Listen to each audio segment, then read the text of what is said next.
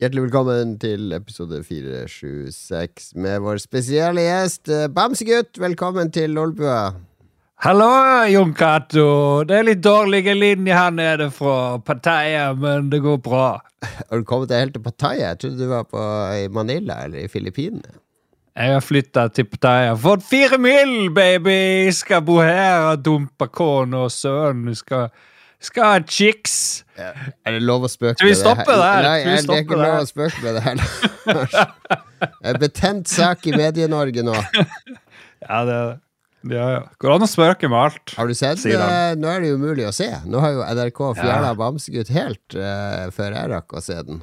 Jeg tenkte jeg skulle ikke se den, men så, eh, så fikk jeg sett det likevel. Så ja. Jeg har ikke sett absolutt alt, men jeg så i hvert fall siste episoden hvor liksom det, det topper seg. Og jeg må si det er compelling shit, så det er jo litt trist at eh, alt er borte. Men jeg skjønner jo at NRK fjerner hele Bamsegutt-greia, for det er jo Jeg vet ikke. Det er et vepsebol av overgrep og eh, barn og PFU og det, det der. Ja. men det er jo trist. Det er jo folk som har brukt et år på å jobbe laget det. Det handler om en stakkar nede i Thailand som ikke har hatt det bra. Han er jo tydeligvis langt fra den skarpeste Ja, det er kniven i vel i. Filippinene. Er det? Jeg vet ikke hvorfor de sier Thailand hele tida. Ja, ok, Jeg aner ikke hvor han er. Jeg har ikke sett så nøye etter. Men han, har det jo, han er jo ikke liksom 100 til stede, han eh, Bamsegutt. Det, han er jo kriminell, tydeligvis. og driver jo drapstruer folk underveis i innspillinga og sånt. Det er jo ikke noe sånn der eh, kjernekar, kanskje, men eh, det er jo en skjebne som er fanga ute i utlandet. Og det, det, har, eh, det har rørt mange, og det kan jeg skjønne. Ja, ja det, jeg har skjønt at det er en veldig rørende serie, og det er jo Nå er sikkert folk glad for at de hører på Lolbua, for å få, få en lystig samtale. tilbake, Bamsegutt! Ja. Endelig! Er det, han skal få lov å bare snakke her i podkasten, han. men omtaler han seg sjøl som Bamsegutt? Eh, litt usikker. For jeg tror faren var bamsefar, og han var bamsegutt. Det var det noe der. Jeg vet ikke helt hva han kaller seg sjøl for. Ja, er det gamertaggen hans, liksom? Han er på discorden vår, så bare å ette bamsegutt. Ok, nei, men det har vært uh, Du vet jo min uh, mening om media. Det er ingenting media elsker mer enn å skrive om media. Altså, da, da, da, da fråder de rundt munnen når de kan skrive om hverandre. Så Bamsegutt har jo blitt, uh, blitt mye. Mye. Anbefaler gårsdagens, eller hva det blir, onsdagens, tirsdagens Debatten med Fredrik Solvang, hvor han bare gyver løs på NRK og sine sjefer om eh, hvordan de kunne få det her til å funke. Er Fredrik Og- Solvang et stort forbilde for deg som journalist? Han er, han er flink, syns jeg. Til tider, i hvert fall. Jeg liker han. Men han Fredrik Solvang han syns jo det er trist at hele greia Han er jo Tore Strømøy-fan. Jeg har aldri vært noen stort store Strømøy-fan, men jeg må jo si jeg har liksom sansen for folk som prøver å hjelpe folk, liksom. Og være litt sånn aktivist. Vi er jo så vant til at media skal være upartisk og bla, bla. Nå skal den siden få snakke, og så skal den andre siden snakke. Selv om den ene siden er helt ute å kjøre, så skal man liksom behandle dem likt og gi like mye plass. Det er jo det som gjorde at Donald Trump fikk eh, vinne valget borti USA. Det var jo fordi Nei! De skal fortelle hva den ene siden sier, og så den andre. Og så bare driter i at den ene siden er en idiot av uh, uten like som bare snakker løgner hele tida. Hva er det for noe? Ja, Så det var nå det jeg mener om den saken. Og mange andre Eh, saker. Høy temperatur i Lolbua i dag. Det er tydelig at Bamsegutt engasjerer. engasjerer. Bra. Jeg har ikke sett det. Jeg har bare lest om det. Uh, uh, jeg har ikke tenkt så mye over det, egentlig. Eh, jeg har ikke bidratt på Spleisen heller. Du kan ikke stoppe Bamsegutt! Ok, ok. Vi er ikke Vi får være glad podkasten vår ikke er en del av NRK, ellers hadde vi blitt stoppa nå. Da har vi blitt henta inn på teppet. Ja, la oss eh, gå til noe annet enn Bamsegutt. Eh, mitt, eh, min jakt på en bedre og sunnere livsstil, Lars, er to nye steg. Jesus Christ. Tar aldri slutt. Ja, jeg jogger jo, faktisk ut og jogger nå etter sendinga her. Hadde noe intervalltrening på mandag. Jeg har et problem med jogginga nå, det er at jeg veldig ofte vil bæsje når jeg jogger. Altså, jeg, kroppen har begynt å finne måter å protestere på, så her en dag jeg var ute og jogga tidlig, så måtte jeg jogge innom en bensinstasjon for å bæsje. på ruta, liksom. Eh, fordi ja. det er noe med at du må bruke masse energi på å liksom holde magen i sjakk mens du skal ha relativt høyt tempo. Det er en dårlig kombo. Kan du ha bleie? Er det aktuelt? Det er vel kan, det, det er ikke aktuelt, for å si det sånn. ok. Nei, nei, ok. Hva syklister gjør? De bæsjer jo hele tida. De sykler av gårde i timevis, og så plutselig bare jeg vet ikke, jeg ikke. de har kanskje med seg litt dopapir og bare Det er et helvete ja. med sånn sykkelbukse å få de av seg for å bæsje, da. Fordi det var ofte sånne stropper over skuldrene. Ja. Men jeg tror de hopper inn i busken. Jeg tror det er helt godkjent. Så jeg tror når du jogger òg, må du kunne hoppe i busken. Jeg kan ikke Hoppe inn i busken rett ved T-banestasjonen på Ulsrud, liksom. Det er ikke så mye ja. busker i de områdene jeg jogger i, som man kan gjemme seg. Det blir jo tatt mm. for blotting eller uh, et eller annet med en gang. Ja. Men, du kan ringe på og si 'hei sann, jeg har lyst til å bæsje det, det litt'. Går, det går for så vidt greit. Det har litt med hva jeg har spist, når jeg har spist osv., så, videre, så det, det, går greit. Men jeg, kroppen protesterer litt der, så derfor måtte jeg, har jeg måttet tvinge kroppen inn i nye rutiner. Sunnhetsrutiner. Altså, det jeg drev og sett litt, uh, lest litt på nettet om sånn her, hvordan blir man mest mulig Hvordan uh, Hva bør man gjøre med kroppen når man står opp, for å ha en mest mulig produktiv dag? Ikke sant? Mange har sånn morgenritual med tar en lang, varm dusj, og så er det en kopp kaffe, og så ei, ei, før jeg har fått den kaffekoppen, så fungerer jeg rett og slett ikke. Og Sånne ting, ikke sant? Ja. Det, det, er vanlig. Det er helt vanlig. Og så er det en eller annen kanadisk eh, professor som uh, Han har vært gjest på en del sånne podkaster. Ah, fuck! Nå skal du dykke ned i sånn her uh det er én professor som sitter og sier noe, og så skal alle gjøre sånn som han ene mange, professoren. Han, for det første, han er ikke sånn her 26 eh, år gammel livsstilsguru. Men han, eh, han, er sånn 50 år, ikke sant? har forska på mm -hmm. det her hele livet. Eh, og ikke på psykologien, men på hva det som skjer i kroppen, sånn kjemisk. Ikke mm. sant? Hvordan Hvordan ha hjernen på maks kapasitet, altså kjemisk. Og nei, løsninga er ikke å ta uh, kokain hver morgen og sånn. for, for, å yte mest mulig. Gjør det med, på naturlig vis. Og det hans uh, forskning har kommet fram til, er sånn den optimale morgenen. Og dette er vanskelig å gjennomføre, spesielt for deg i nord. Optimale morgenen med en gang du våkner, skal du ut i sola. Skal få sol ja, på kroppen i fem minutter. Nei, det, det, er vanskelig, ikke sant. Vi må tilpasse oss. Jeg, kan, jeg skal prøve det når det blir sommer. Ut i sola fem minutter, få sollys på kroppen med en gang. Det, for mm. da får kroppen uh, Huden får jo da signaler om at nå er det dag, nå skal vi være våken. Og så etter det, inn, uh, iskald dusj i to minutter. Oh, Jesus, ja. for da får også kroppen en sjokkoppvåkning, og den effekten varer i mange timer. Fordi da er kroppen våken. Det du ikke skal gjøre, er å ta kaffe med en gang. Fordi du skal gå noen timer mm -hmm. Før du tar den første kaffekoppen. Så etter det er så deilig. skal du gjerne ha, jobb, bevege deg litt fysisk. Eh, og, og, så, eh, sånn et par timer senere enn det, så kan du ta første kaffekoppen. Og grunnen til det er jo at når du drikker de første koppene, ikke sant, da bare brum, piker hjernen. Nå er vi våken.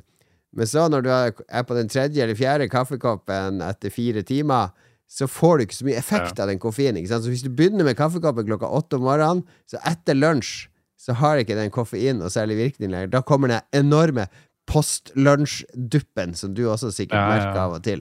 Spis en god lunsj, setter deg foran PC-en, så er det bare Åh, skal ha den sofaen. Åh, skulle ta den, ta den liten Men jeg får sånn post-dip-lunsj nå mange ganger om dagen. Jeg får det først på jobb, ja. så er det etter middag, og så er det sånn i åtte-ni-tida. Da begynner jeg å bli klar for senga. Jeg vet ikke hva som skjer, men det er siste månedene.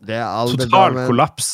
det er alderdom. Jeg kjenner meg igjen. Men nå har jeg to uker da jeg holdt på med den torturdusjen om morgenen. Rett inn på badet, eh, eh, og så bretter jeg noen klær og fikser noen klær.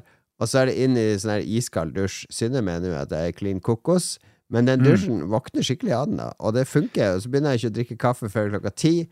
Og jeg merker den etter lunsj-trøttheten, den er mm. mye, mye svakere nå enn den var før. Åh, vet du hva, jeg tror jeg må prøve det her. Men det, jeg har jo ikke drukket kaffe hele livet, men i år, ca. fjor, så begynte jeg å drikke kaffe deilig. Deiligste som det er å komme klokka åtte på morgenen på kontoret. Ah, kaffen er klar. Ja, er Noen har kommet tidlig. Det er deilig. Mm. Jeg, vet, jeg erstatta det med en kopp buljong når jeg kommer på kontoret. Kopp buljong! Ja, Hvem er det som lager en kopp buljong til deg? Vi har tatt tilbake buljongen. En på jobben han kjøpte flere hundre sånne poser med buljongposer. Så du bare tar eh, varmt vann og så blander det oppi. Og så har du en herlig buljong. Jeg husker da jeg var liten, så hadde buljong i alle kaffemaskiner. Det var liksom helt vanlig. Mm. Pappa kjøpte seg kaffe, så kjøpte han en buljong til meg. Jeg elsker buljong. Ingen kalorier heller i det. Ja. Kan du glede deg? Du, må fære til Kautokeino. Der er det buljong as fuck. Hver gang de koker reinsdyrkjøtt og sånn, så er det jo masse buljong overalt. Det er jo faktisk bra. Ok, men det finnes en sånn her uh, hjerne-neuro Hva Mhm. heter det? Forsker på jern og sånt. Han er stor. Han er heltida som Joe Rogan, og han driver med han med, han begynte med det du snakker om nå, og så ender det opp med at han skal mene noe om alt, for han er plutselig ekspert på absolutt alt i hele verden. Ja. Sånn her, gå og tygge på sånn ball for å forme kjeven din, og han skal liksom Og så begynner du med det isbadegreia, plutselig sitter du i sånn balje i en halvtime om dagen full av isbiter sånn der, vet du, og kun skal leve til du er Skal aldri 200 si år. aldri, skal aldri si aldri. Men uh, dette fungerer for meg nå, Lars. og da må jeg jo bare Mm. drive på. Men det er andre ting kroppen har begynt å, å gjøre. Det er gøy det er å bli gammel, ikke sant? Fordi nå med uh, Yeah. Hva er det første du gjør om morgenen når du står opp av senga? Gå på do. Ja, du går og Det er tisser, ikke sant? Fordi Ja. det er blære som har Mm. fylt seg opp, modna seg litt i løpet av natta. Så du går på do. Og da er det ikke sånn derre Sånn der hageslange. Det er sj- Ja, ja, det, det er ganske tafatt. renn ren greit på morgenen, ikke sant? Det gjør jeg òg. Ja. Tisse, ikke sant? Og så eh, vaske Jeg får, kun, jeg får kun den der eh, enorme spruten. Det er når du drukker øl. Det er bare, bare Oi! Det er som å være 14 år, liksom. Og 6 år gammel og få tisse. Det er deilig. Nei, men da, da eh, eh, Tisse om morgenen, ikke sant? Og så begynner jeg å brette klær. Altså, sk- fordi da driver jeg mentalt og Hva er det med forbereder å meg. brette klær? Jeg gjør alltid det på morgenen. fordi jeg sitter på en vaskemaskin om morgenen. Eh, brett klær, da har jeg på lys på badet. tenker jeg Nå får jeg lys på kroppen, og så skal jeg ta den der kalde dusjen. Eh, Klesritualet er en måte å manne meg opp til den kalde dusjen. Men i det siste så har det mens jeg bretter klær, så kjenner jeg, selv om jeg tissa for fem minutter siden, nå må jeg tisse igjen. Ja. Så jeg har begynt med to sånne tissinger på morgenen innen en halv time. Det er sånn post 50-årsgreie, Da, det- da tar det enda mer av, det der tissingen. Ja, jeg er altså. litt var på å nevne det her i podkast. Jeg vet jo nå Ståle hører jo på, vår venn Dr. Gonzo hører jo på. Så jeg kommer til å få telefon fra Ståle i morgen. Ja, det er tid, du må sjekke ut, og det er ditten og datten. Må sjekke prostata. Ja, du må få sjekke sjekke Ja, ja, ja. prostata, og så får jeg det samme meldingen kommer til å få fra Dr. Gonzo når han hører det her. Nja, Mm. Gato, her må du nok ta Hver gang jeg snakker om noen sånne helsegreier, og så er det sånn Ja, du må passe på det, og du må fikse det. Her, her, det er deilig å ha sånn helsepersonell som passer på meg, da. Vet du hva, Nå fikk vi en melding, talemelding fra Bamsefar. Han har noe råd til deg. Bare flytt deg til Filippinene, du! Ok, da. Takk for, takk for godt råd. Godt råd. Har du fått en ny iPhone? Har fått eh, iPhone 15, og skal jeg si deg noe? Eller 15, eller 15 Pro, eller 15 Pro Max? 15 Pro, 256 gigs. Holy shit! 256 gig. Ja, og det jeg må si etter å ha hatt en eh, iPhone 12, merker nesten ingen forskjell i det hele tatt. Nesten, omtrent null forskjell. Det er selvfølgelig mye bedre batteri, det er litt sånn 100 hertz, det går litt smoothere. Uh, ting er f- 10 raskere. Ellers skuffende lite forskjell uh, på det hele, må jeg si. Uh, du fikk jo også sånn her iPhone 15, er jeg sikker på. Ja, du jeg skal ha har Pro Max, ja. The new shit. Ja, det var Max og greier òg. Det blir for stort for meg. Er det meninga at er det, det er jo ikke noe gøy å kjøpe ny mobil når du ikke merker at du har fått ny mobil. Jeg må si, Jeg skulle ønske Apple kom med litt mer, mer greier. Det er liksom det er tre generasjoner nyere. Sånn som der flippetelefon til Samsung, eller noe sånt. For Ja. da føles det som du har noe helt nytt. Ja. Jeg vil ha den der uh, Matrix-telefonen til han uh, Neo, hvor du Ja. liksom trykte på en knapp, og så Det er vel et tegn på at det har blitt bare eh, en, et funksjonsverktøy.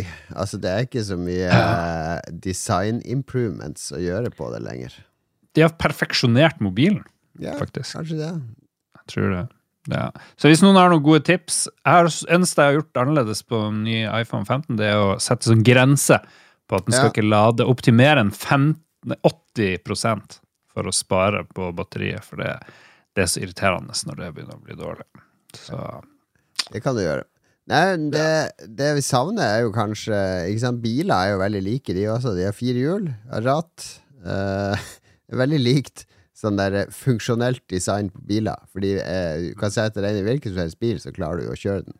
Eh, Pedalene er det samme, alt er det samme, ikke sant. Men der er det veldig mye designforskjell på utseende og komforten og sånn, og det savner jeg kanskje på telefon, at de har litt mer Jeg vil ha en Ferrari-mobil, eh, ikke nødvendigvis at prosessoren er så kraftig, og kamera og sånn, men å holde den og bruke den bør føles litt mer luksuriøst enn eh, Ja. Det er kanskje sånn, vi bruker jo ikke sånne eh, Huawei og sånne andre Motorola. jeg vet ikke hva, Hvis vi hadde gått over til Kina og Samsung, så er det jo mye rart. Der er det kurvamobiler og sånn. Men vet du hva så? Nye ting som kommer. Mobil som et sånt visittkort, eller et sånt skilt du eh, fester med en nål, eller jeg vet ikke hva du fester med, på skjorta di. Så, så skal du bare gå og prate og bla, bla. Men det er jo helt meningsløst hvis du skal se når bussen går. og Det er jo Star Star så- Trek. Ja, det er Star Trek, og det, virker du- veldig Ja, det kan jo sies, det. Computer, når går bussen? Ja, men jeg, jeg tror jeg har litt lyst på det. Men Det kan jo være en accessory til en iPhone. ikke sant? At du bare har en sånn ting Ja, som det er jo basically med. Apple Watchen din. Det er jo det, men for oss som ikke vil ha den der Apple Watchen, vi vil ha et uh, lite Du vil kort. heller ha en sånn slipsnål som, som Ja. du kan snakke til. Jeg vil ha, Det kan være forma som de der eh, Star Trek-greiene. Mm. Som du kan Altså, trykke på. Hvis du tar hånda over, så blir det sånn blup, blub, Ja. Ja.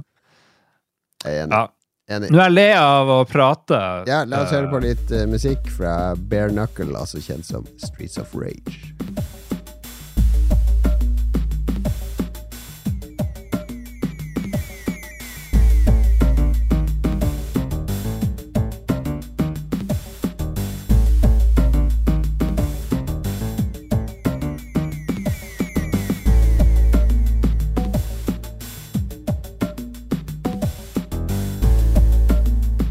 Oh yeah, smooth, smooth.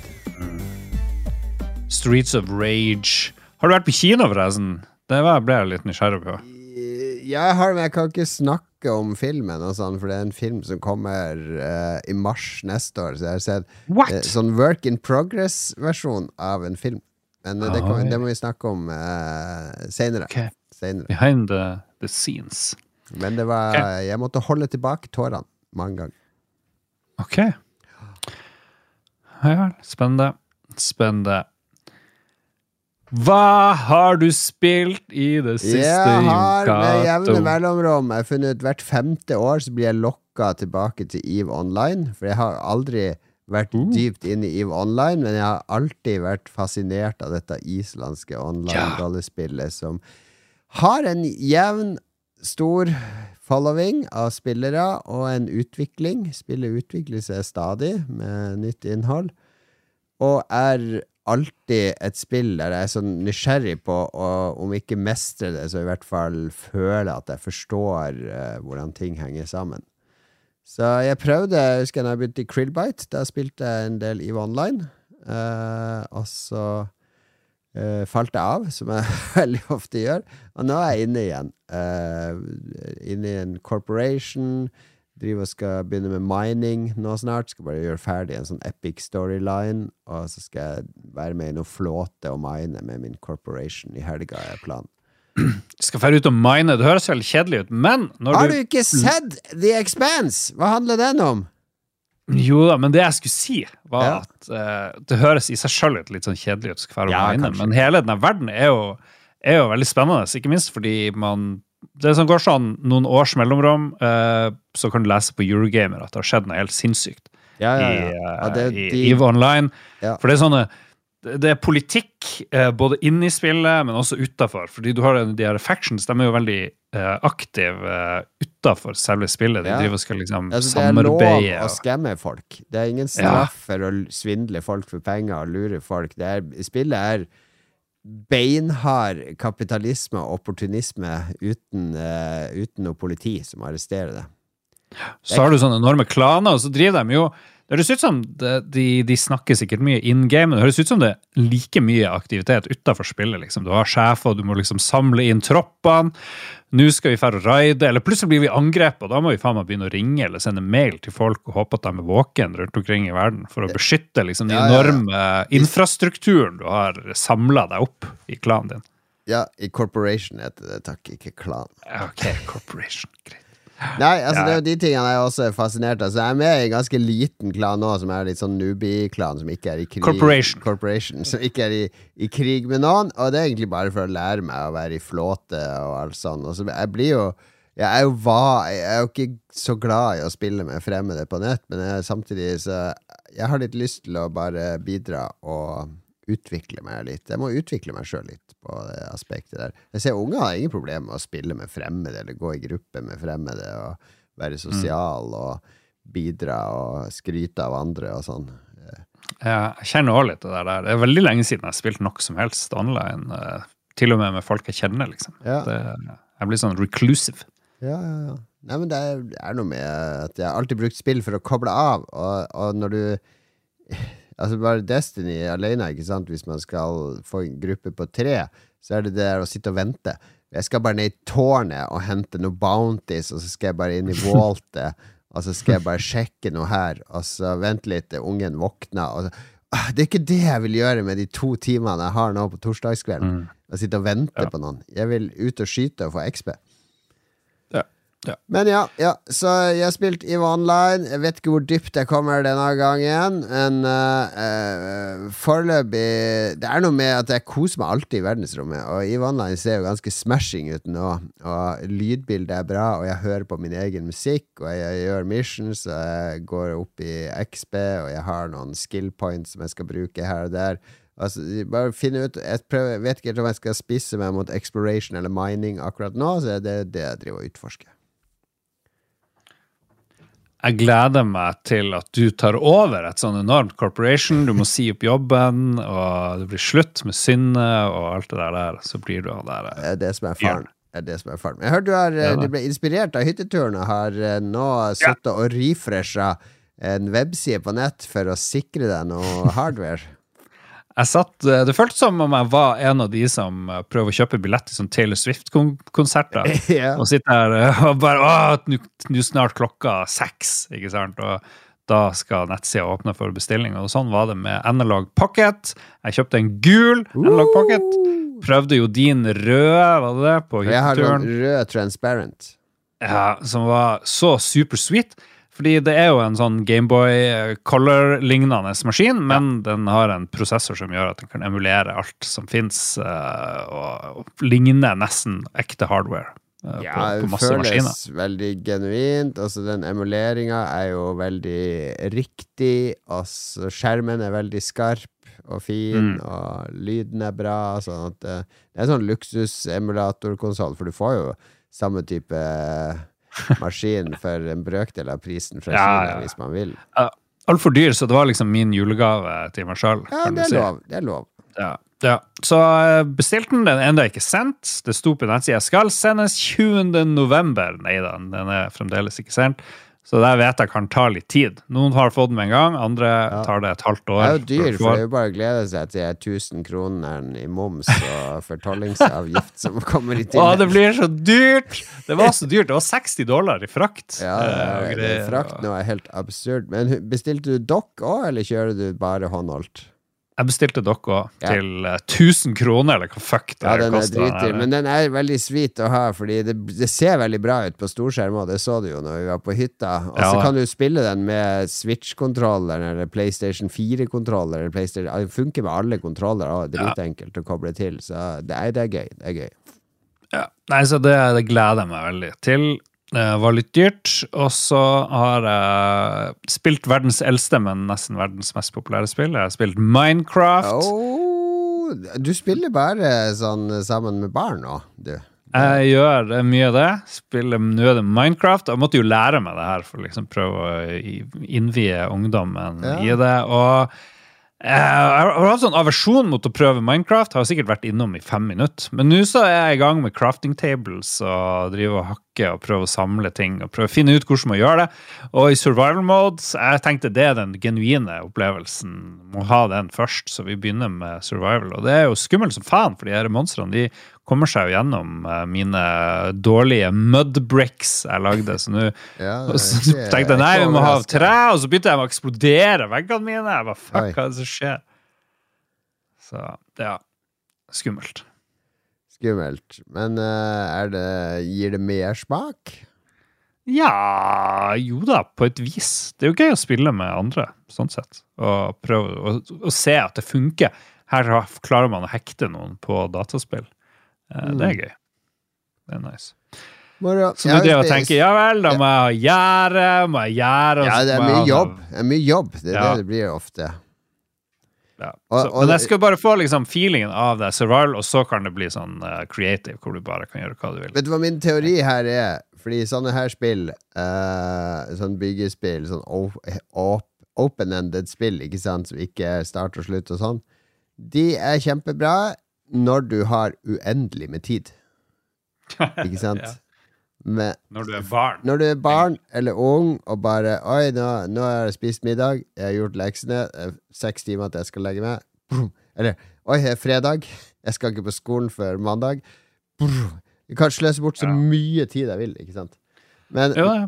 men når du er voksen, så er det sånn Gjort ditt, eh, eh, bla, bla, laga middag, jeg vaska opp, satt på opp, oppvaskmaskin, eh, fiksa noe greier på badet. Åh, det er klokka syv, jeg er litt sliten, må legge meg om et par timer. Kanskje jeg skulle få inn en joggetur. Ok, spille litt grann først. Da vil du ikke sitte og spille og finne ut at du skal bygge et gjerde eller grave. Du vil ha noe der du kan ha noe klar progresjon. En eller annen klar Oppnå et eller annet på den timen, sånn at du kan uh, gå og legge deg og være fornøyd. ja, kanskje. Kanskje, kanskje. Vi får se hvor lenge jeg gidder å, å styre. Men det, det, det er jo verdens beste spill, da, på mange måter. Det er jo det. Ja, det er et veldig bra spill. Veldig, veldig, veldig bra spill. Jeg har, eh, jeg har også spilt en remake som kom nå nylig, som heter Super Mario RPG. Eh, Han, eh, det er jo eh, Nintendo som Jeg tror de har fått et eller annet C-lag på Square Enix, noen interns og noobs, til å lage en moderne versjon av eh, Super Nintendo-spillet. Eh, Square fikk jo i sin tid lov av Nintendo å lage et Mario RPG, som ble Super Mario RPG, RPG The Legend of the Seven Stars på Super Nintendo. Et veldig kult spill, fordi det var, var liksom første gang Nintendo begynte å slippe litt på Mario, og la andre leke seg. Det var veldig ulikt andre Mario-spill. Det var mye humor i det, mye slapstick. Det utvikla Mario-karakteren i nye retninger. Eh, det du kanskje merker på Mario nå, ikke sant, i, i den nye Mario uh, Hva heter det som kom akkurat nå, da han blir elefant? Uh, Wonder. Super Mario Wonder. Ja. Wonder. Er at Nintendo eh, jeg, tror, jeg tror Miyamoto blitt en sånn gammel eh, sjette far eller sjuende far i huset. Så kommer det folk med mange sånne konsepter for Mario. Kan han gjøre sånn? Kan han si sånn? Kan han ta en eh, backflip sånn, og så lande sånn, og så si Oh, mama! Og og han bare Nei, nei, nei. Og så, og så er han helt sånn der vimsig, og han sier Ja, elefant! Ok, det får tommel opp. Hva? Bjørn? Nei. Altså at Han har blitt en sånn Mario-gud som henger i et sånn horn på veggen, og skal godkjenne alt som Mario gjør. Og det gjør at Mario nå har et sånn eh, spekter av eh, eh, eh, eh, personlighet som er veldig smalt. Er veldig smalt og forutsigbart. Og det jeg merker i Super Mario RPG, at her fikk Square litt sånn frie tøyler. Så Mario er jo helt sånn tomsing som fer rundt og, og gjør mye rart. Det er litt sånn uvanlig Mario. Eh, det er som om du skulle slippe Tarantino løs på å lage en Star Trek-film eller noe sånt, ikke sant? Det er jo drømmen. Det er Men det, drømmen. jeg så jo det i traileren til der Super Mario Wonder-driten, at det, det ligner ikke på, på Super Mario, egentlig. Det ser ut som det har skjedd noe. Ja, det har skjedd noe, men samtidig så er det Det, har ikke skjedd noe mer enn forventa, selv om han blir elefant og alt sånt. Det, det, det er safe. Men dette er, dette er weird. Dette er snålt. Det er Mario litt på syre. Altså, det er old school RPG uh, med mye grinding, mye kamper og uh, Mm. jeg er ikke Og det, det er litt sånn dodgy teknisk, fordi det er visstnok laga i Unity og, av disse amatørene. Det er litt sånn Det går ikke an! Det er jo skandale! Nintendo har bestandig hatt sånn teknisk Ja, det, superkvalitet. det er noe Det er sånn hakkete scrolling og Nei! sånne ting av og til. Nei! eh, som jeg har reagert litt på. Men eh, det er et veldig No! koselig Et koselig, sånn gammeldags rollespill med Mario-figurene. Eh, så jeg koser meg med det. Koser meg. Kjenner jeg fyrer meg de luxe. Skal det, gir de ut sånn B-drit Ja, med Mario-navnet? Denne, denne gangen har de gjort det. Herregud. Det er ikke B-drit da. det. Det er du merker det når du spiller på stor skjerm dokt, ikke sant, og, og skjermen skal scrolle fra venstre til høyre i en sånn by, så er det litt sånn her slideshow. Tjuk, tjuk, tjuk, tjuk. Og så prata jeg med en som ja, ja. elska spillet i går, for vi hadde quiz i går med Magnus. Han første han kom inn og sa 'Å, Super Mario RPG er det beste! Et av årets kuleste spill'. Sier Ja, ja, det er jo janky as fuck. Jeg wow, hva er det der? Har ikke merka noe til det! Nei, jeg merker ingenting! Jo, bare se her, se her. Hvor det Nei, nei, nei, nei, nei, nei, nei, nei, nei, nei, så det, Denial er en fin ting. Det er som å la eh, Mats, vår venn Mats, eh, se på de nye flatskjermene. Han klarer bestandig å finne en eller annen feil. Ja, At det er noe sånn banding og det er noe et eller annet som du ikke har oppdaga før. Det er livsfarlig. Ja, og da, da blir du sittende og tenke på den feilen som man oppdager hver gang du slår på TV-en. Jeg vet ikke hva jeg slapp unna sist, men nå har jeg jo OLED goodness til 80 000. Så nå er Ja, ja, ja, ja, ja, ja, ja. All right, vi stopper Ja. der, for de skal snakke om uh, Ja, først skal vi ha utfordringen, uh, vi, men vi, først skal vi eh, høre på bitte litt musikk, så tar vi utfordringen, og så skal vi reise tilbake til juni 1987. Vi hører litt musikk fra Darius Collection.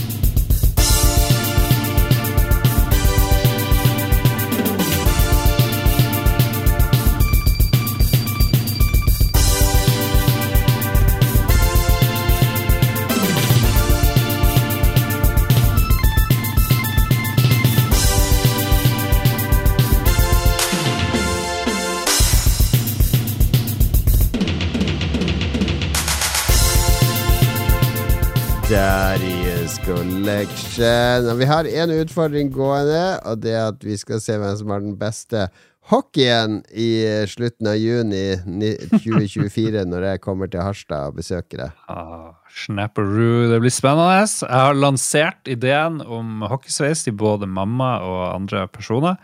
Kun møtt med, med latter og hån. Så, eh, men jeg, jeg tar Jeg Vi skal ta tilbake hockeyen, Lars. Ja, jeg skal gjøre det. Det blir eh, Folk skal dåne eh, rundt oss, sånn som de gjorde med MacGyver. Vi skal vasse i kvinner og homofile menn. Åh, ja. Lurer på hva Bamsegutta hadde sagt til det. Men det får vi aldri vite. Nei, ikke Han ring er han cancelled. igjen. Slutt. Skal vi se. Eh, du ser så mye på mobil, og du ser på klokke, og hva er det som skjer? Vanligvis er det jeg som får kjeft for det her. Faen, så fin mobil. Se, ja, mobilen funker, Jævla fortsatt. grotesk groteske 15 Max Pro. Ok, utfordringen denne uken her, Ja, den er inspirert av forrige ukes episode. Ja. Vi skal ha en utfordring i uka fram til episode 500. Og det kan være en kort utfordring som vi må gjøre mellom to episoder, eller en lang en, sånn som at vi skal gro beste hockey til episode 500. Det blir en sånn lang eh, Det blir en sånn langvarig en lang, utfordring, det her òg. Kan ikke ha så mange, men det er for bra til at vi ikke kan gjøre det. Vi må lage den beste bonsaien eh, mulig frem Oh. til Der det ikke er lov si? med Lego-bonsai og sånn. Ikke lov med Lego bonsai, men du, jeg føler vi kan tolke bonsai helt sånn som vi vil, da, egentlig. Men det er jo et sånn lite japansk style tre. Jeg vet at det er vanskelig å få tak i nå når det er vinter og sånn, så vi må, vi må sjekke availability først uh, på det her. Du får tak i alt Men, i eh, Oslo, vet du. Får tak i alt i Oslo. Ja, vi får se. Vi får se. Det er i hvert fall bonsai challenge, og jeg, jeg vil si eh, første, første juni så må vi dele bilder. Først, Ja, det er her. men jeg kan jo bare gå ut og kjøpe en bonsai 30. mai, da. Du må jo kjøpe den nå før nyttår, i hvert fall. Ja, så da må Så- vi før, ta et bilde dele av den nå. Ja. Altså, vi må gjøre det før nyttår. Ja. Før nyttår. Uh, dele bildet før nyttår Mm. med alle lytterne og oss to. Og så skal vi se hvordan den ser ut 1. juni. Det er det som er Ja. utfordringa. Da har vi et halvt år ish. Uh, Hockey post. og bonsai. Det blir et tema dette til slutt, med alt vi skal gjøre. Uh, ja, ja. Vi får ha noe sånn enkelt, da spise en chili eller noe sånt uh, neste gang. Men det, da er det din tur. Det gleder vi oss til. det blir bra. Det blir bra. Ja. Nei, super uh, challenge, Lars. Jeg tar den på strak arm. Tar den på strak arm idet vi har en smooth Segway tilbake til 1987 med litt mer Darius. Klar? Juni 87. Lukk øynene. Tenk tilbake. Du var barn. Du eh, bodde du i Bærum? Lærum? I 87? Nei. Da bodde jeg i eh, Kirkenes. Oi, du bodde i Kirkenes. Ja da. Gikk på barneskolen. Kirkenes. Så jeg spilte på min Commodore 64. Ja, det er gøy. Ja, men det Kan det hende at du spilte et av spillene i dag? For vi skal gjennom tre Commodore 64-spill. Et uh, japansk uh, spill som bare kom ut på proprietær maskin der, men er porta til mange andre. Og så skal vi innom ett Amiga-spill som jeg husker som sykt magisk og realistisk. Uh, mest realistiske jeg hadde sett da jeg spilte det på Amiga. Jeg så på YouTube-videoen nå, for jeg har ikke sett på det siden 1989, eller når jeg spilte der. Mm. Det ser helt forferdelig ut. Men vi må, vi må ta det med. Vi kan begynne med det japanske, som eh, kanskje er det mest obskure, i hvert fall for oss i Vesten. For i Japan så er det jo mange store rollespillserier. De største, største vi kjenner i Vesten, er selvfølgelig Final Fantasy, som har vokst seg kjempestor takket være populariteten i Vesten. Og på andreplass kommer jo Dragon Quest, som jeg tror på en måte eh, kanskje fortsatt er den mest populære i Japan. Uh, og den tok litt mye lengre tid å få eh, introdusert ordentlig i Vesten. Den ble litt sånn overskygga av Final Fantasy 7 kom på PlayStation. Ble en veldig, veldig hype, så den serien overskygga. Fordi Dragon Quest har på en måte litt barnligere mangagrafikk, litt mer eh, Litt vanskeligere innsalg for det brede publikum i Vesten, selv om det er Dragon Ball Z-tegneren som lager karakterene, osv., osv. Eh, men en tredje serie som alltid har hatt jevn popularitet i Japan, men ikke nådd disse to andre, som har en haug med spill, det er jo Ys. Jeg har alltid hørt om denne Ys-serien, for Mm. jeg begynte med konsoller på 90-tallet. Og spesielt japanske spill, som alltid var det mest spennende på konsoller. For det var jo veldig sånn segregering mellom øst og vest da. Det var bare noen få spill som kom i Vesten. Det var så mange i Japan. Så hørte han denne YS-serien. YS. Jeg vet ikke hva du sier Hva betyr det Y? Jeg Vet du hva det Y betyr? Jeg er ikke helt sikker. Det er, det, er, det er vel et land som heter Ys, eller noe sånt. Jeg tror ikke det heter bare Y, det heter Ys. Ys. Ys handler om uh, eventyreren Adol Kristin. Det er jo Det typisk japanere som ikke har skjønner at Adol Kristin er verdens dummeste navn. Ja, det er så likt Adolf Hitler, så der har du første Ja, grunn til at dette aldri kom i, i vesen. eh, men, men det var det, det er på en måte uh, Er vi før Final Fantasy her? Nei, vi er jo omtrent samtidig, for vi har hatt Dragon Quest. Altså, disse har kommet. Men I er var et rollespill, sånn top down-rollespill. Eh, styrer denne helten Adolf Kristin gjennom en historie. Uh, han skal lete etter noe magi bøk, Ys sine bøker, uh, som inneholder historien til landet og redde landet og bla, bla, bla.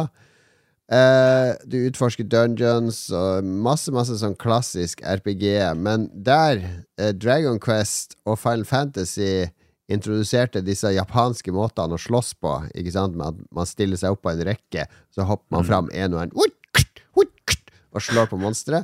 Eh, så Ys hadde et, eh, et system der man løp inn i fiender, og, og, ska, og da tok fienden skade, og en sjøl skade. Så det var en helt annen type kampsystem her, da. Ja, litt sånn jackass-basert. Du skal bare springe rett frem og kollidere med hverandre. Ja, altså Hvis du løper front mot front, så gjør du masse skade på deg sjøl. Hvis du klarer å, å streife litt, og sånn så gjør du mye mindre skade på deg sjøl, med masse skade på fienden. Så det er en sånn taktikk i det her. Uh, de, de ville ha et accessible slåssesystem. Bump attack-systemet er jo det det, det eh, Høres ganske dust ut. Høres litt dust ut. Uh, uh, Så, men det blir mer arkadeaktig slåsskamper ut av det, da. Ikke sant? Så, så mange synes jo liker jo disse spillene veldig godt fordi kampene, de uendelige skjermene i Final Fantasy med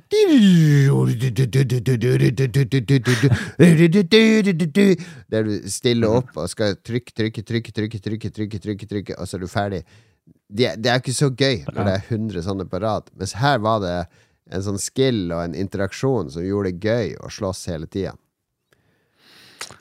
Jeg kommer ikke over at de kalte helten for Adolf. Det er jo helt vilt.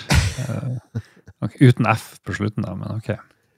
Det kan du si. Ja. det kan du si Yusu Koshiro som lagde soundtracket, og han laga mye soundtracks opp igjennom til Actracer. Han var med på Sonic-musikk. Streets of Rage har han bidratt Ai, ai. til. Det er kanskje den han er, er mest eh, kjent for å ha bidratt til. Det er jo et av de mest fantastiske. Han lager vel faktisk musikk fortsatt. Han lagde musikken til den der Viljens triumf av Leni Riefenstahl òg, tror jeg. det, nå, er du, nå er du useriøs. useriøs. ja, det har du. Er det først nå du oppdager det? Eh, nei, han lager masse musikk fortsatt til Etrian Odyssey-spillene, som er sånn der uh, uh, rollespill på DS. Ja, ja, ja. Voldsomt med spill han har laga musikk til. Men det var liksom Ys uh, Soundtrack i Ys uh, for mye skryt, og kan jo, du kan jo høre sjøl og se om du er enig.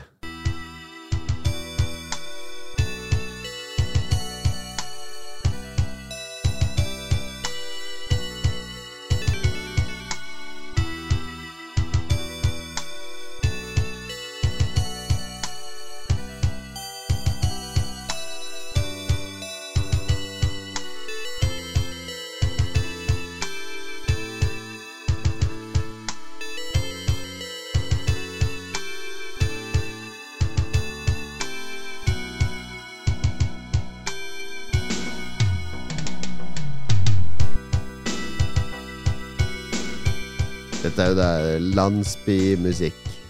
Peak Village. Det høres ut som sånn Allo Allo-by.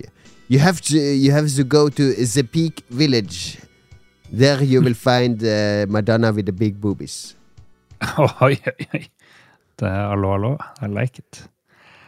All right. Nå gleder jeg meg. Nå kommer det Nå har vi prata om det Ja, nå kommer jeg har dine spilt. favoritter.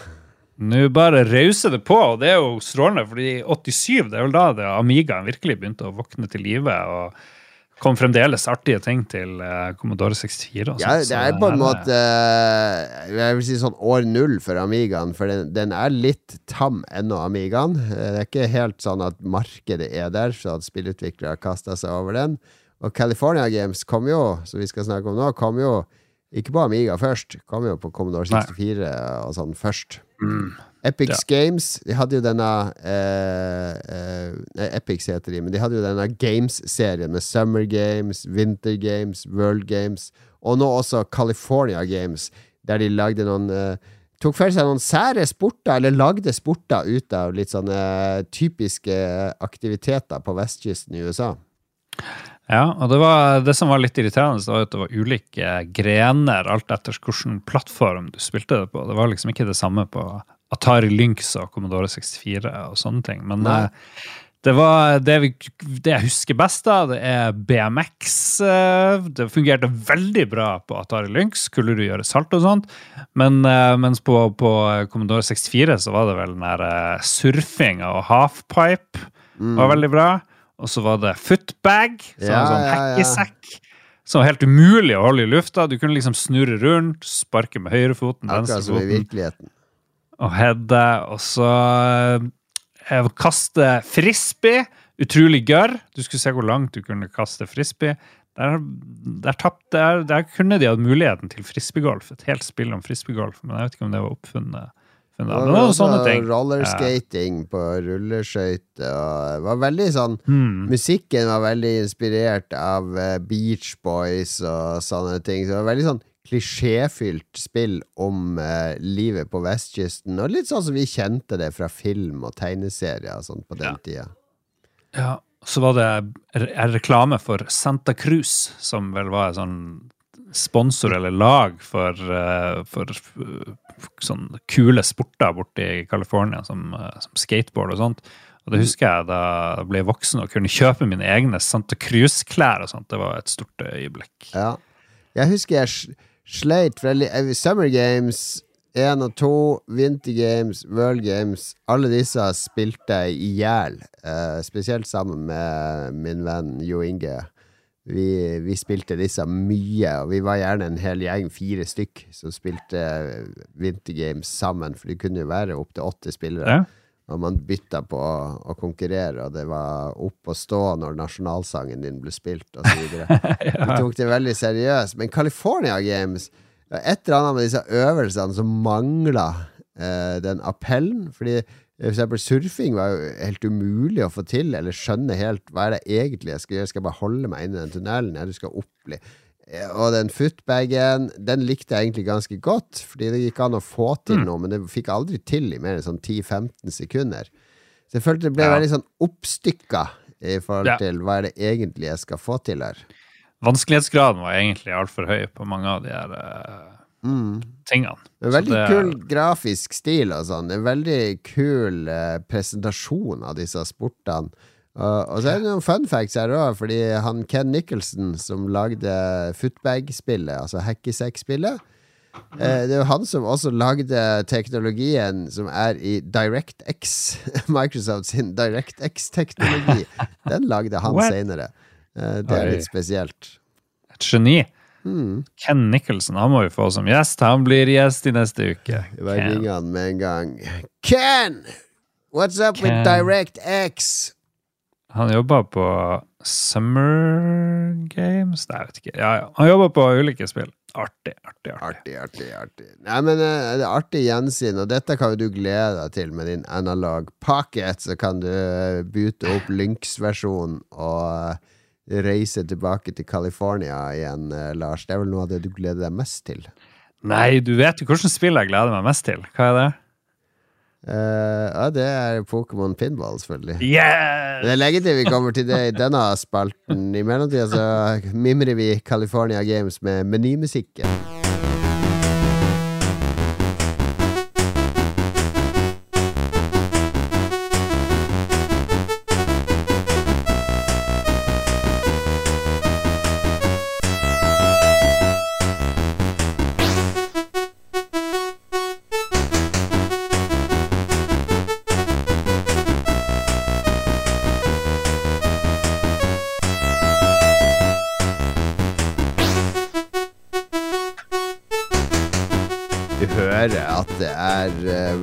Coast uh, rock'n'roll de er inspirert av her?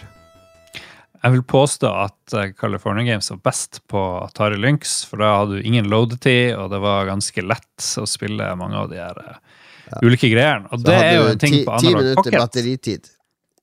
Ti minutter batteri. Det er jo en, jeg har jo alle de her gamle spillene til Atari Lynx, og det jeg ikke har bestilt til Analog Pocket, det er jo den adapteren som gjør at jeg kan putte originale Atari Lynx-spill inn i eh, den retroanaloge. For alt er jo så dyrt der, men eh, jeg bør kanskje bestille det òg. Ja, det er gøy å spille original.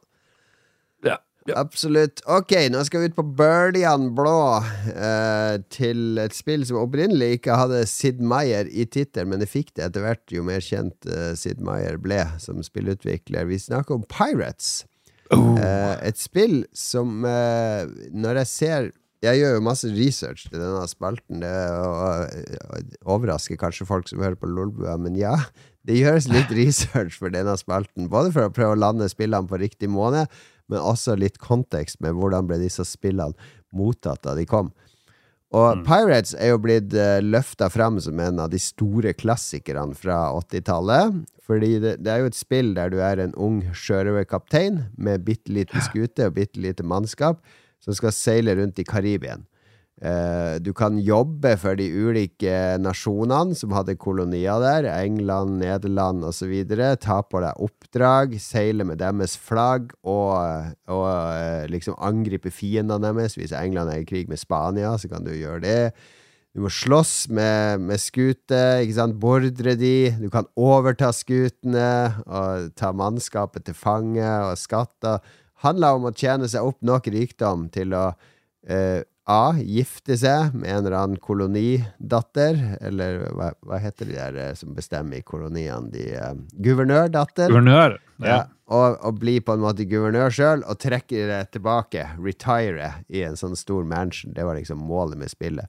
Og man kunne finne skattekart, og da måtte man finne Gjerne bruke det kartet som var med i eska. Det var også sånn piratmesher. For å prøve å finne hvor, er det, hvor på dette kartet er det det skattekartet refererer til. Og det var, var rett og slett veldig veldig mye å gjøre der. En veldig stor frihetsfølelse. Det var kanskje det spillet Det, ja. bøy mest Jeg er helt enig. Mm. Denne friheten og hvor, hvor imponerende dypt spillet er. Du kombinerer jo noe kjempelurt, for du tar liksom barndomsdrømmen med å være pirat og drive Mm. og kjøre rundt. Du kan, nummer én, du kan ikke bare fære rundt på øyet og prate litt og selge og kjøpe og få mannskap og sånt, men du kan faktisk begynne å skyte med kanoner på andre skip i et Mm. lite minispill, som faktisk er ganske gøy. Og så har du Mm. der effektinga og Nei, det er så mye. Du kan liksom leve drømmen Ja. Og det, jeg har møtt folk i, senere i voksen alder, så de favorittspillet til mange er jo Pirates, fordi det, det er liksom det var noe de fant stor glede i, og så har de ikke spilt så mye i voksen alder ellers. Men det er liksom, de husker det her. Ja, og det, det er et spill som har satt spor hos mange, men når jeg ser på anmeldelsene i f.eks.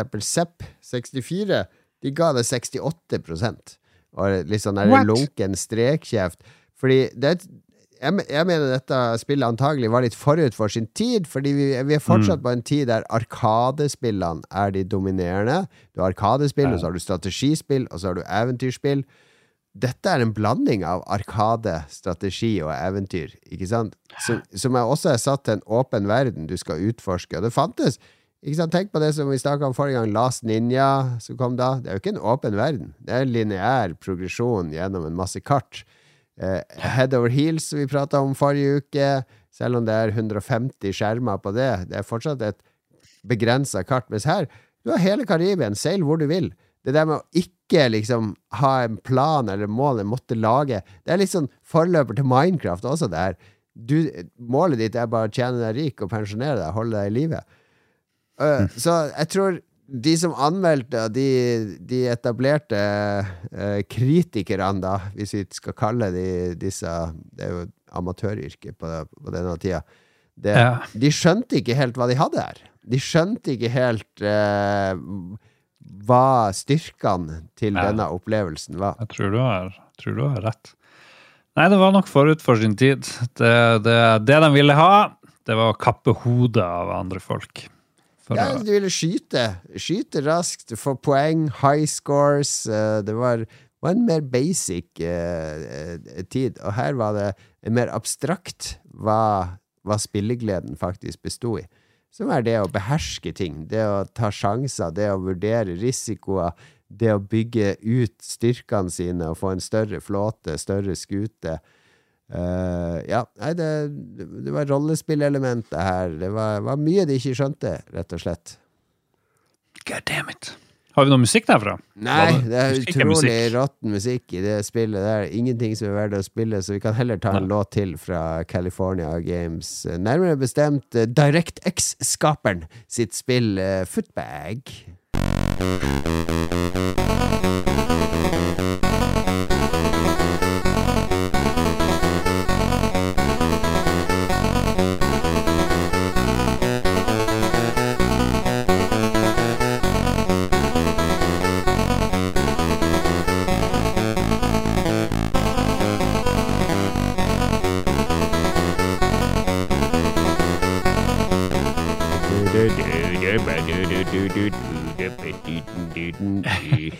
Det kunne vi lagd. Det kunne vi lagd. Det kunne en AI lagd. Ja. Ok, vi skal holde oss på Kommunal 64 ett spill til. Nå kommer også et spill som jeg spilte sykt mye. De snakker om motorsykkelhinderspillet Kickstart 2. Eh, fordi Kickstart og Kickstart 2 er jo noen spill der du ser fra sida, der du skal styre en motorsykkel over diverse hinder.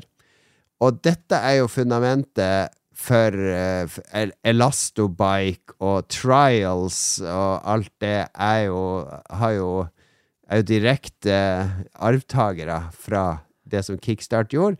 For på ganske basic vis så har de laga baner der det er rampe og hopp og benker, og det er busser. Det er ting du skal hoppe oppå og lande på og, og holde farta. Du må beregne farta, ikke sant, sånn at du lander riktig. Du må beregne vinkelen, sånn at du ikke steiler eller at du tryner.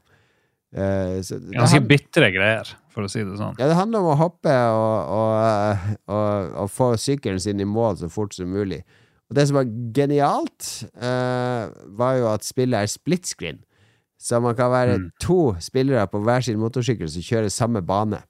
Og det var en intens opplevelse å liksom ligge et hode foran, han under, kjenne han puste deg naken, vite at én liten feil nå, så, så sklir han forbi.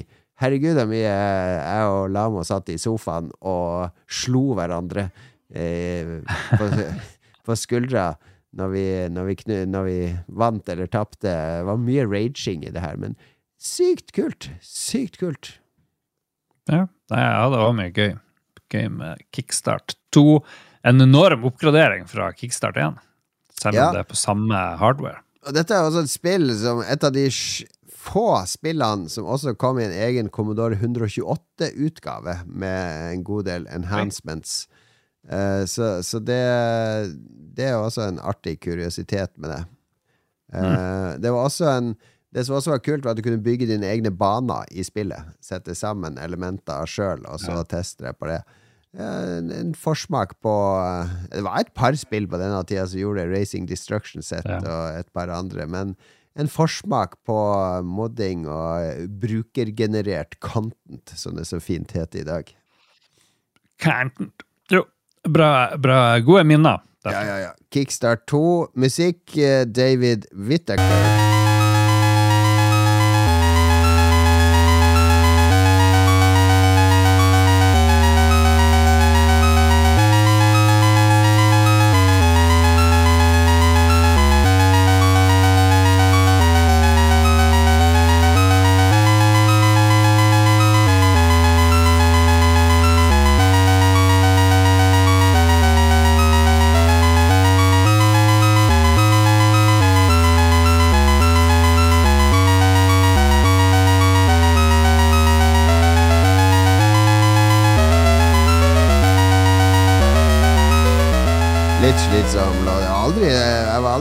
Megafan av David Whittaker. Nei, det var ikke, ikke Rob Hubbard og Galway-nivå her. Nei. Alright, siste okay. spill ut er vi på Amiga og Atari ai, SD, og vi er jo på Psygnosis. Og Psygnosis var jo et av disse selskapene som på en måte omfavna disse nye, sterke maskinene. Mm. Uh, lenge før eh, mange andre. De begynte veldig tidlig å pumpe ut spill på Amiga og Atari SD. De begynte med Barbarian, vi skal innom Terrorpods, Bal, eh, Chronoquest, Menace, Obliterator. Eh, de, de, de, var pionerer på Amiga eh, på mange måter. Og ja. det som de ble kjent for, var jo at de ofte hadde de store, fine spillesken med tegninger av Roger Dean. Uh, ja, den var kul. Ja, Roger Dean lager veldig sånne uh, litt sånn surrealistiske sci-fi-landskap, gjerne med dyr eller noe organisk i, og tegna jo mange av coverne til Yes, for eksempel. Det var der han ble veldig kjent. Og Sagnosis-coverne hadde mye av den samme stilen som Yes-coverne. Ja. Sagnosis var jo, skulle jo bli et uh, fantastisk uh, selskap. Til slutt kjøpt opp av uh, Sony og lagde Wipeout og alt mulig før dem. Som ofte blir det når de blir kjøpt opp av sånne svære studio, så bare forsvinner, forsvinner de helt. Men før det så ja, De, de har jo også Lemmings og ja, andre ting i, i, i, stallen sin i, i karrieren. Ja. Absolutt. Absolutely. Mm. Men uh, det her, uh, det her uh, Dette husker jeg veldig, veldig, godt, fordi på Amigaen så det, det, første året med Amigaen, ikke sant Det første halvannet året jeg, jeg, gikk jo på Jeg gikk jo nesten på depresjon etter å ha hatt Amiga et par år, for jeg syns jo spillene var ofte ganske skuffende i forhold til Commodore 64-spill. Mm. som handler mer om at Commodore 64 på det stadiet var, var, Utviklerne var så kjent med rammen, ikke sant? så de kunne perfeksjonere spillene i større grad. Mens på Amiga Oi, her, har- her kan vi bruke samples, og her har vi 4096 farger, og her har vi Vi har så mye vi kan leke med. Sånn at spill ble veldig litt sånn eh, amatørmessig ofte. Og dette spillet syns jeg var dritkult da det kom. Det så helt smashing ut, mente jeg. Mm. Men når du ser på det nå, så ser det jo helt, egentlig helt forferdelig ut. Ja, men Hvis du sammenligner med hva vi så til Commodore 64, så er det jo, det er jo enorm forskjell. Ja, det er det, men det hadde jo et helt merkelig kontrollsystem, og det syns jeg var veldig spennende når det kom, fordi du styrer Hegor, som er en barbar, som skal Det er 2D-spill, ser fra sida, med OK animasjoner og alt sånt, men du Kontrollsystemet er basically at nedre halvdel av skjermen er en haug med knapper som du skal trykke på på en mus. Og du trykker på en sånn knapp for å gå til høyre, knapp for å gå til venstre, knapp for å hoppe, knapp for å gå ned en stige, knapp for å slå med sverdet. Det er som å lage Street Fighter med masse ikoner. Ja, men så du skal styre med mus. mus. frem, Ja, crouch det er Street Fighter med, med uh, Secret of Monkey Island-kontroll. Trykk på eh, punch 1, punch 2, punch 3 med musepeker. Nei, det, det funker ikke i dag. Men det var, de visste jo ikke hva som funka. Det her var Ja, ja, vi tester det her. Ser vi hva som skjer. Jeg jeg husker spesielt den åpningsanimasjonen der han Hegor hogger over et sverd Nei, over en lenke med sverdet sitt. Var så sykt imponerende å se på, fordi det var så langt vekk fra det du kunne få til på, på en Commodore 64 på den tida. Så jeg, jeg, jeg har veldig, veldig sterke minner fra dette spillet. Men jeg tror det her er definitivt noe jeg ikke kunne spilt igjen Nei. uten å ødelegge alle disse minnene. Njau, du må ikke spille det her. Men da, har vi, da er vi gjennom Vi er gjennom spill. alle, og Barbarian sliter jo også med at Amiga hadde jo ingen musikk i spill eh, da, da den kom, fordi man skjønte ikke hvordan man skulle lage musikk før soundtrackeren til Karsten Obarski dukka opp, eh, og, og alle musikere fikk noe verktøy å jobbe med. Så vi, ta, vi koster på oss enda en låt fra Ys. eh, Ancients vers- Ancient Is Vanished, som det første Ys-spillet heter, som vi har snakka om i dag. En fin låt. eh, litt rocka låt i X68 000-versjonen.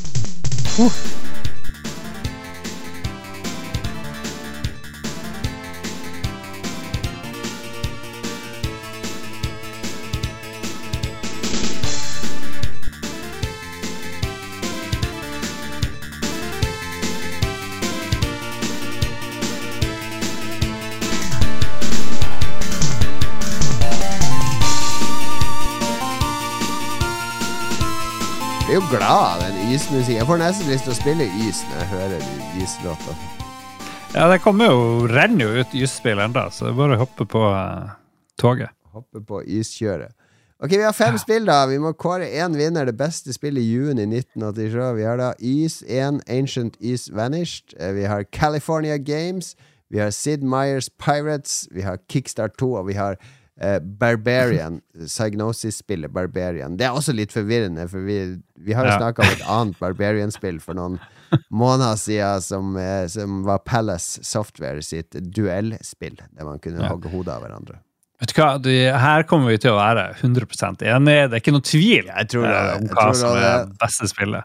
Vi må jo gi den til Sid og Pirates. Arr, Herregud.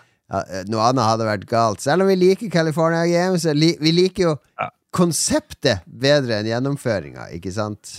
Ja da. Minnene og estetikken og følelsene spillet vekker, er bedre enn selve spillet. eh, På mange måter. Jeg vil si at du er spot on i din vurdering der. Nei, gratulerer, Sid Meyer med Pirates. Eh, Jeg ringer han opp med en gang. Ring, ring. Mr. Meyer, are you there? Uh, hello! Hello. Uh, congratulations on winning Best Game of June 1987. Oh my lord! Oh my god! Oh my god! Baby! Baby, they're calling from Norway! Oh my god, I'm so glad! yeah, yeah. Have you? Uh, what, what, what, uh, are you still making games? Are any games I in the pipeline? No, no, it's all uh, AI right now, you know, in the Oh. Americas. Yeah, yeah. AI calling- and uh, and crypto. Pirate AI and crypto. That's right. That's what I'm doing. You go and go to pirateai.com and crypto, and you got all your needs. You know, I got all the money I need. Now I'm giving it away. Holy giving it away. shit. Uh, please to use my AI. It's all AI with pirate shit. You know, how do I? I think I have mental disease. What should I do? Well, you should cut off your fucking hand, you fucking pussy. Okay, thank you, thank you. Say hello to Bamsegutt for us.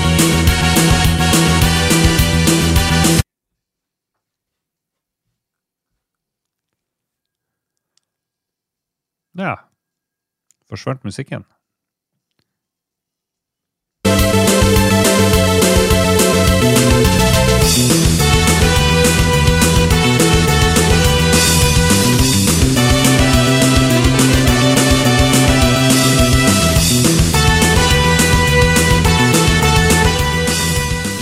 Ble så ivrig på fingrene. Jeg trykka helt feil, så beklager. Jeg var litt surr i lyden der. Ikke hver dag du får Sid Meier på tråd. Jeg ble så opphissa av å ha Sid Meier i øret, selv om han var litt forstyrrende å høre på. De vi ringer, er stort sett helt frykt. Ja, det er sjelden vi ringer til veldig balanserte og flotte folk. Det er stort sett gal. Ok, da har vi bare anbefalinger igjen.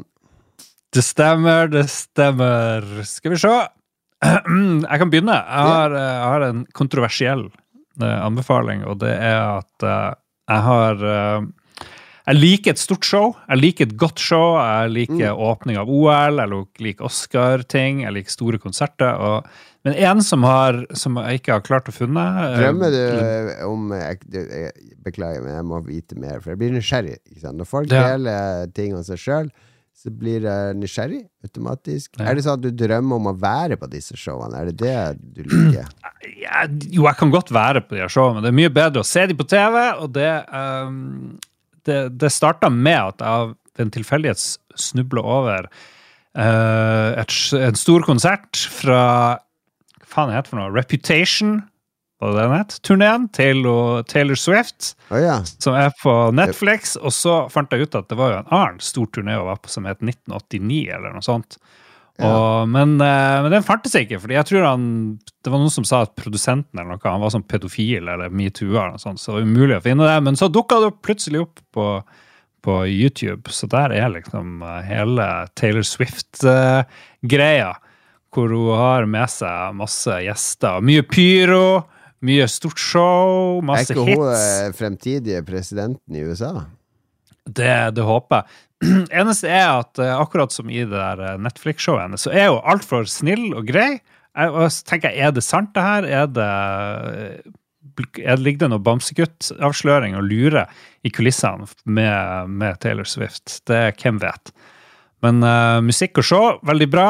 Hennes uh, altfor hyggelige personer blir litt eh, sånn Jeg er blitt for kynisk eh, til at jeg kan ta eh, Taylor sin optimisme for god fisk Hun er jo sykt flink, da. sinnssykt flink. Helt absurd flink å synge, danse. Komp komponerer jo låtene sine sjøl i stor grad. Kjempebra. Og har selvfølgelig, sånn som alle, Max Martin-samarbeid innimellom, og sånt, men Ja, hvem har ikke det? Det er lov. Men eh, hun, lager jo det mest sjøl, og det, det utrolig mye bra hits. Og det, det er sånn nesten for bra HD på YouTube. Uh, du vet når det er sånn kontrastene er skrudd litt for høyt eh, opp og sånt. Ja, ja, Jeg vet ikke. Så, men eh, nei, jeg koser meg. To timer og greier med, med Taylor. Det, det er helt topp. Gøy, gøy. Vi skal, jeg skal holde meg innen musikken uh, og, og YouTube for de som vil, for jeg, jeg sikra meg jo billett til uh, drum and bass-legendene. Uh, ledende drum and bass-folka fra London akkurat nå. Chasen Status, som kommer Mm. til Vulkan 9. desember. Og det er en lørdag òg, ikke sant? Det kunne ikke vært bedre. Det ble utsolgt ganske fort. Men jeg sikra meg to billetter. Da kommer de opp og skal DJ litt der oppe for Stinn Brakke. Jeg kommer sikkert til å være den eldste i lokalet, men det får uh, gå. Fordi Jason Status, det svinger. Og de kom nylig med en ny plate som heter Too Rough, eller noe sånt. Uh, bare sjekke her. Sjekke slik at fakta blir korrekt. Eh, Too Rough volum 1 kom ut nå. Masse kule låter på den, men det som er den kuleste måten å oppleve det på, det er egentlig å gå på Boiler Room London 2023-settet deres. Jason Status Boiler Room London. Der Jeg er eh, der as we speak å høre. Ja, det er magisk. Det, det er så mye bra de spiller der. Og den stemninga er upåklagelig inne i Boiler Room når de spiller. Så jeg gleder meg helt sykt til om et par uker, når jeg skal stå i den crowden der og eh, og eh, lage maskingeværfingre og skyte litt opp i lufta. Brapp, brapp, brapp. Hvordan, hvordan venue er det i Oslo igjen, sier du? Det er vulkan. Jeg, jeg, har bare, jeg tror jeg var der på Spiss Nøgenhett en gang i tida, så det er ikke så ofte jeg er der. Ja vel. Nei, Så gøy. anbefaler han- Jason Status. Ja. Var det på vulkanene der eh, Trond Giske var og dansa over og der dama? Ja, det er flere steder på vulkanen. Han var på en av de mer sånn, harry, vanlige utestedene der. Ok, ok. Og dansa. Greit. Jeg skal ikke gå og danse på noen dame der. Ja, det er det hold deg unna damen. Langt vekk fra damen. Jesus lord. Jentelus. Uff, uff. All right, da var vi ferdig. Ja, vi, eh, vi rekker dessverre ikke mer. Vi har en hel haug lytterspørsmål liggende, men vi må dessverre dra. Så det, vi, blir utsatt enda en uke. vi må takke produsentene våre. Ja, som bamsegutt! Nei, jeg kan ikke gjøre det lenger. Nei, det er Jesus et- lord. Tulle. Ja. Eh, Vi må takke de som eh, Hva var det? Bonsai. Takke de som er veldig høflige. Mr. Miyagi! Det er som Mr. Miyagi. Nei, det blir rasistisk. Vi kan ikke det heller. Vi er knebla. Knebla. Ja, ja, det er faen meg det er, Hva er det som skjer med verden? Hva er det vi kan gjøre som finlendere? Hva vi kan gjøre? Hva faen er det? Hvordan spill Vi uh, snakker om Sid Meier. Vi kan ta, ta, si, hilse dem som pirater. Ja, pirater. Det er trygt, fordi det er ingen ja. pirater som saksøker oss. Arr, TTMXMP!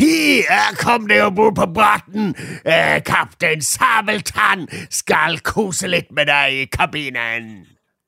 Uh, hallo, Duke Jarlsberg. Det her er han svensken fra Pirate Bay som eh, ringer. Hallo! Nei, jeg, jeg er jo svensk, ja, for helvete. Hallo, Duke! Det er Pirate Bay! Christer Lysaker? Jeg syns jeg hører en klokke. Har de sett en krokodille, Christer? Er det krokodillen som har blitt rundt båten, Christer? I am the captain now, Bjuslo. I am the captain now. Og livet til en pirat er tøft, kong hong. Livet til en pirat er røft, kong hong. Men med deg i masta så sier vi hei! Vi seiler på bøljan blå. Det var det vi hadde for denne gangen.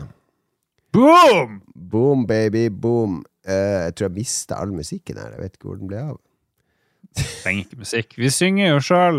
Vi synger sjøl. Vi synger sjøl. Uh, vi Ja. høres igjen om en uke, folkens. Hvis noen har forslag til challenger som vi skal gjøre nå frem mot uh, episode 500, så omfavner vi alt. Vi har jobba hardt med å spare til hockey nå en hel uke. Da skal vi ut og kjøpe bonsai-tre, begge to, og dele med dere. Det gleder jeg meg til. Jeg har, det, nå har jeg sett meg ut en plass som jeg skal ha det på her. Ja. Så bra. Så det blir fint. All right. Eh, og så håper vi dere liker Fordi nå syns jeg vi har begynt å naile denne retrospalten, Lars. Der er vi eh, Ja. engasjert og on fire. Den er veldig bra. Vi har glemt å notere hva som vant sist. R-Type, Dragon Spirit, Lurking Horror Lurking R-Type. Horror. Var det R-Type som vant? Ja, ja. Ok. Vi, må, vi må huske å Ellers blir jo det her all for naught. Ja, vi skal jo Fordi når vi kommer til uh, oppsummert hele året, så må vi jo kåre det beste i 87. Og da blir det spennende Ja. å gå gjennom de tolv finalistene. Og så blir det gøy å begynne på 88 og 89 og 90. Det blir bare bedre og bedre fremover. Ja, absolutt. Greit. Det blir bra. Vi Ja, takker av. takk, Takk for oss. alle sammen. Ha det bra. Ha det bra.